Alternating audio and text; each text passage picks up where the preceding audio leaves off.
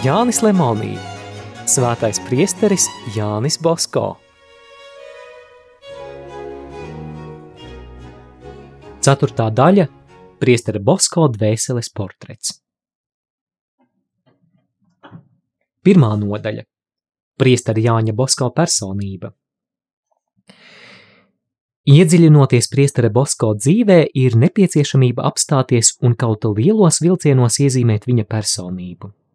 Nav viegli attēlot tik sarežģītu cilvēku, tomēr mēģināšu, jo Jāņa Bosko dvēseles attēls, kaut arī nepilnīgs, palīdzēs lasītājiem saprast un labāk novērtēt viņa darbību. Pirmo reizi viņu sastopot, priesteris Bosko likās pavisam parasts cilvēks, vidēja auguma, skaisti veidotu ķermeni, glīts, it kā nedaudz pieliecies, vienmēr koncentrējies. Šī iekšējā sakopotība viņa izskatam piešķīra pievilcību mīļumu. Bosko ieraugot, Ik viens saskārās ar viņa personas pievilcības spēku un sajuta godbijību.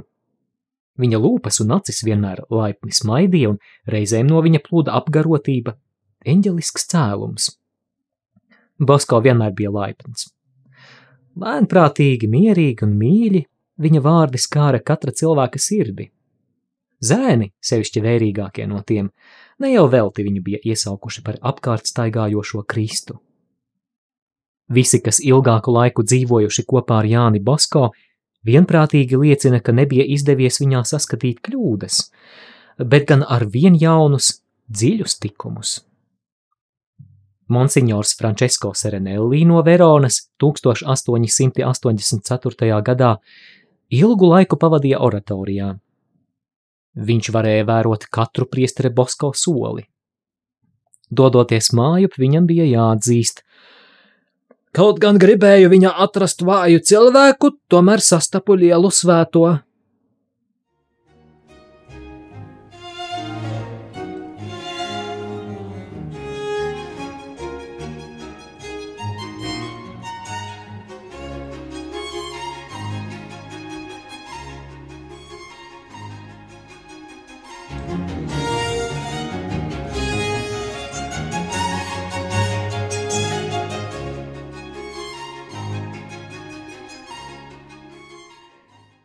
Turīgie un trūcīgie, pazīstami un nepazīstami, labi un ļauni, atnākuši pie priestera Bosko, viņā rada sev draugu, tēvu un mierinātāju.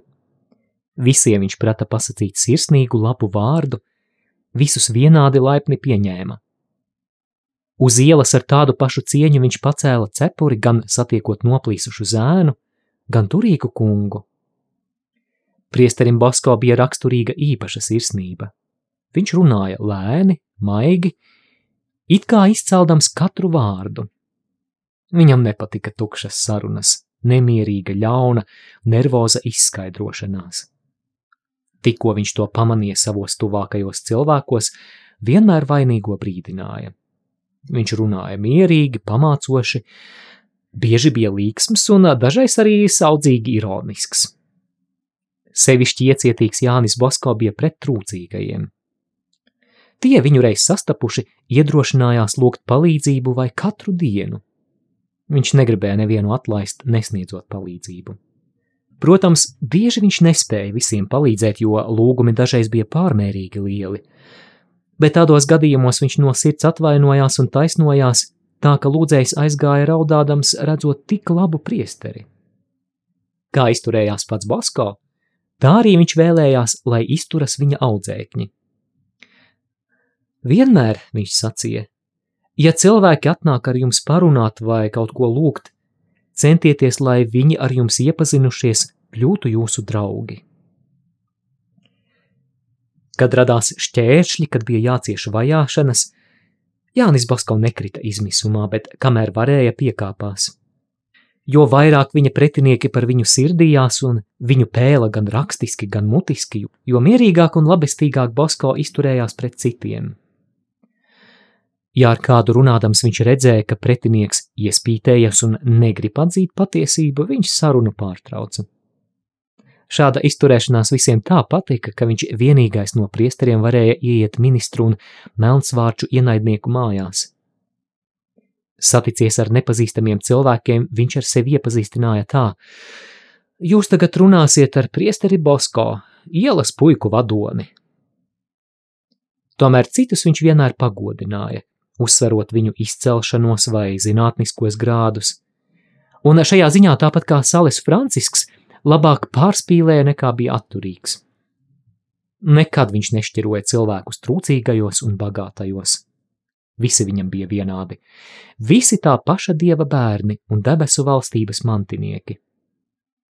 Iegājis vienkāršā lauku sētā, viņš pieklājīgi noņēma cepuri un laipni sveicināja gan lielos, gan mazos. Reiz aizbraucis pie Pinerolo bīskapa, viņš to nesastapa mājās. Ieejot bīskapa ēdamistabā, lai ēstu pusdienas, viņš ieraudzīja noliktu tikai vienu šķīvi. Tad viņš palūkojās pa logu un redzēja, ka dārzā strādā bīskapa kučieris.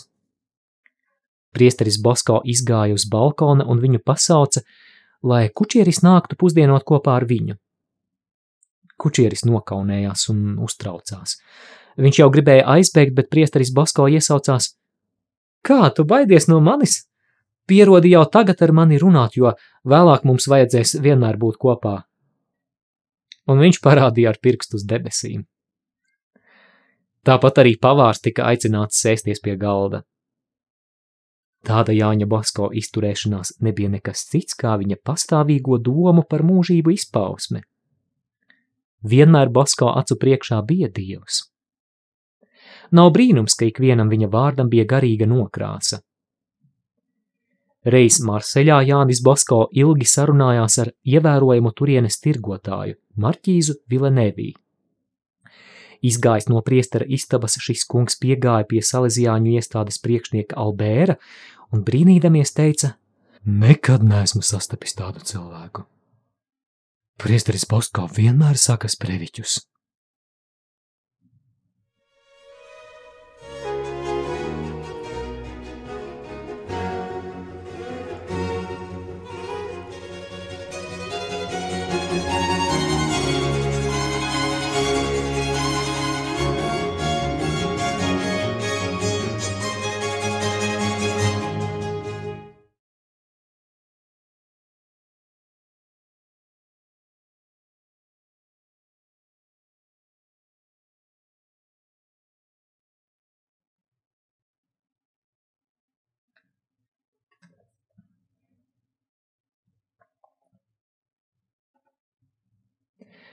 Jāteic, ka priesteris Bosko īpaši labi saprata savam laikam raksturīgos strāvojumus.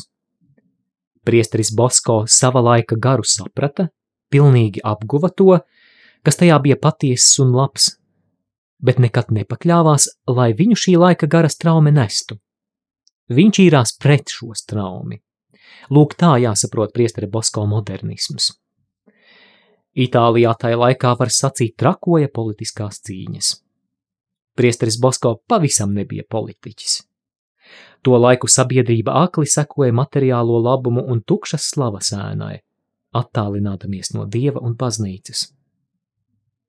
Priesteris Bosko dzīvoja un strādāja tikai tādēļ, lai vairotu dieva godu un kalpotu dvēseļu pestīšanai.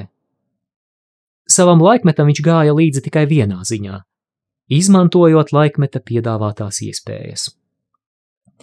Priesteris Bosko, tāpat kā Itāļu revolūcijas laika liberāļi, izmantoja presi, piesaistīja sev cilvēkus un sabiedrību, dibinot biedrības un rīkojot izpriecas. Kā liberāļi, tā arī Jānis Bosko strādāja lēnprātīgi un pacietīgi. Tomēr frontes bija pretējas, un cīņa bija neatlaidīga. Ja priesteris veiksmīgi uzvarēja, tad tikai tādēļ, ka balstīdamies uz Dievu, Viņš bija gudrāks par saviem pretiniekiem, izturīgāks par tiem. Viņa kristīgā mīlestība pret jaunatni un cilvēkiem vairāk spēja nekā citu nauda un viltus.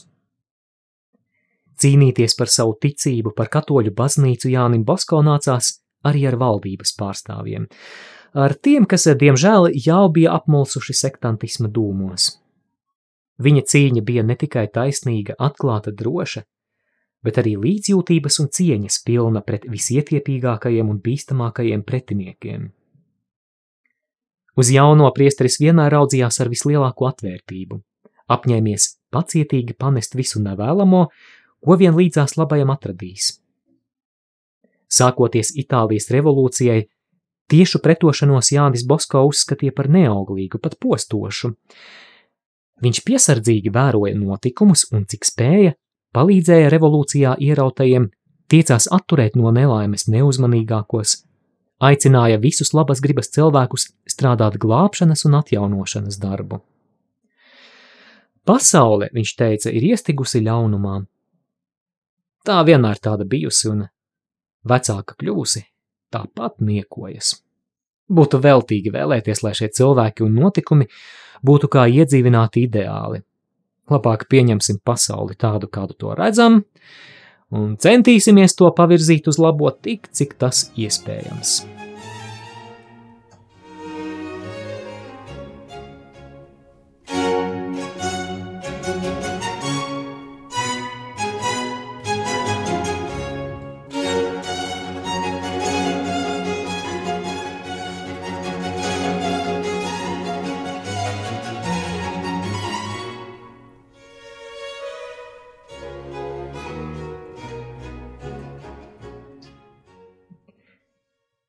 Reiz Jānis Bosko pusdienoja kopā ar dažādu partiju vadītājiem. Iesilušie viesi sāka cilāt glāzes gan par karaļa, gan par karaspēka vadoņu veselību. Viens pateicis dedzīgu runu pacēla glāzi par Garibaldiju. Viesi saskatījās un gaidīja, ko darīs priesteris Bosko. Viņš piecēlās, pacēla glāzi un droši iesaucās – Lai dzīvo Viktors Emanuēls, Kavūrs un Garibaldijs, visi zem pāvesta karoga, lai visi varētu izpestīt savas dvēseles. Viesi trokšņaini sāka aplaudēt un sacīja: Tiešām priesteris Bosko nevienam nevēl ļaunu. Dievs bija priesteri Bosko apveltījis ar lielām prāta spējām, neparastu atmiņu, ļoti stipru veselību, kuru neietekmēja nec nepanesams darbs, nec slikti dzīves apstākļi. Savu veselību priesteris pilnīgi veltīja dieva darbam. Ja vien Bosko būtu gribējis, viņš būtu varējis kļūt par izcilu zinātnieku ikvienā zinātņu nozarē. Viņš labi runāja franciski, saprata arī vācu valodu, viņam bija dziļa izpratne par teoloģiju, filozofiju, jurisprudenci, vēsturi, geogrāfiju un dabas zinātnēm. Dažkārt viņa zināšanas apbrīnoja ievērojamākie speciālisti šajās nozarēs. Priestera Bosko atmiņa bija apbrīnojama. Lasīt un pēc atmiņas atstāstīt grāmatā rakstīto, tas bija viņam viens un tas pats. Viņš bija izlasījis neskaitāmas zinātniskas grāmatas, vēstures sējumus, daļu literatūru, studēdams seminārā un pirmajos priesterības gados.